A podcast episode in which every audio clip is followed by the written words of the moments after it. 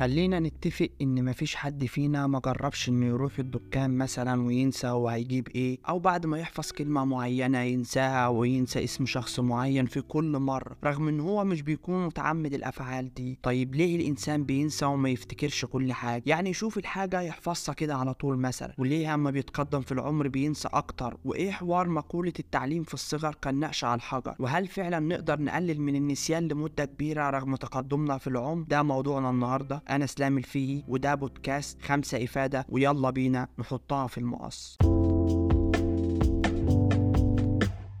النسيان ده فطرة فطر عليها الإنسان منذ خلق سيدنا آدم وكانت هي السبب في خروجه من الجنة وده جاء في نص صريح في القرآن الكريم.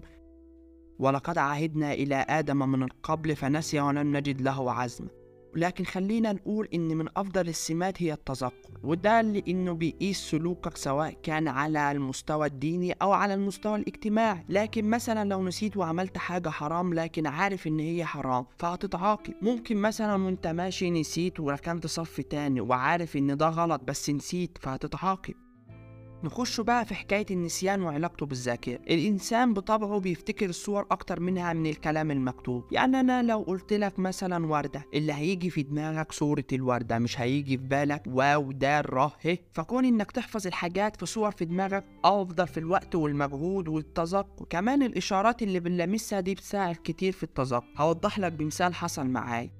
كان في كلمة إنجليزي اسمها constipation ودي كان معناها إمساك. قعدت أحفظ فيها فترة طويلة ما حفظتهاش. لكن مجرد ما أنا شفت استبن عربية حاولت أربط ما بينهم اللي هو constipation واستبن. من بعدها افتكرتها وما نسيتهاش. السؤال بقى إيه علاقة النسيان والتقدم في العمر؟ أقول لك أنا ذاكرة الإنسان وهي صغير بتكون لسه فاضية يعني لا فيها مواقف حصلت له لا فيها كلمات لا فيها تعلم. هم كذا كلمة وخلاص. فكون إنك تعلم ابنك الحاجات الصح اللي المفروض يعملها زي إن الساعة كذا وقت الصلاة الفلانية زي إن هو يقوم من النوم في الوقت الفلاني وهكذا. هتستنى ثابتة معاه مدى الحياة لأن هي اترسخت لكن الإنسان أما يكبر في العمر بيفقد التمييز بين الأحداث الجديدة اللي جاياله والأحداث القديمة نتيجة لكترتها. فتلاقي الدنيا كلها صاحت على بعض عامل زي واحد دخل مكتبة هو عارف اسم الكتاب بس لكن مش عارف هو تبع إيه ولا الرمز بتاعه إيه ولا رقمه فيه فهيتوه في وسط ده كله. هل نقدر بقى إن إحنا ما ننساش؟ الإجابة هتكون لا لأن دي من رحمة ربنا علينا إن الإنسان ينسى. تخيل معايا تبقى فاكر كل موقف حصل لك فاكر الولد الفلاني اللي قالك الكلمة الفلانية اللي زعلتك وفاكر الموقف الفلاني وهكذا. فهو ما زال نعمة برضه. إزاي نحسن جودة الذاكرة عندنا بقى؟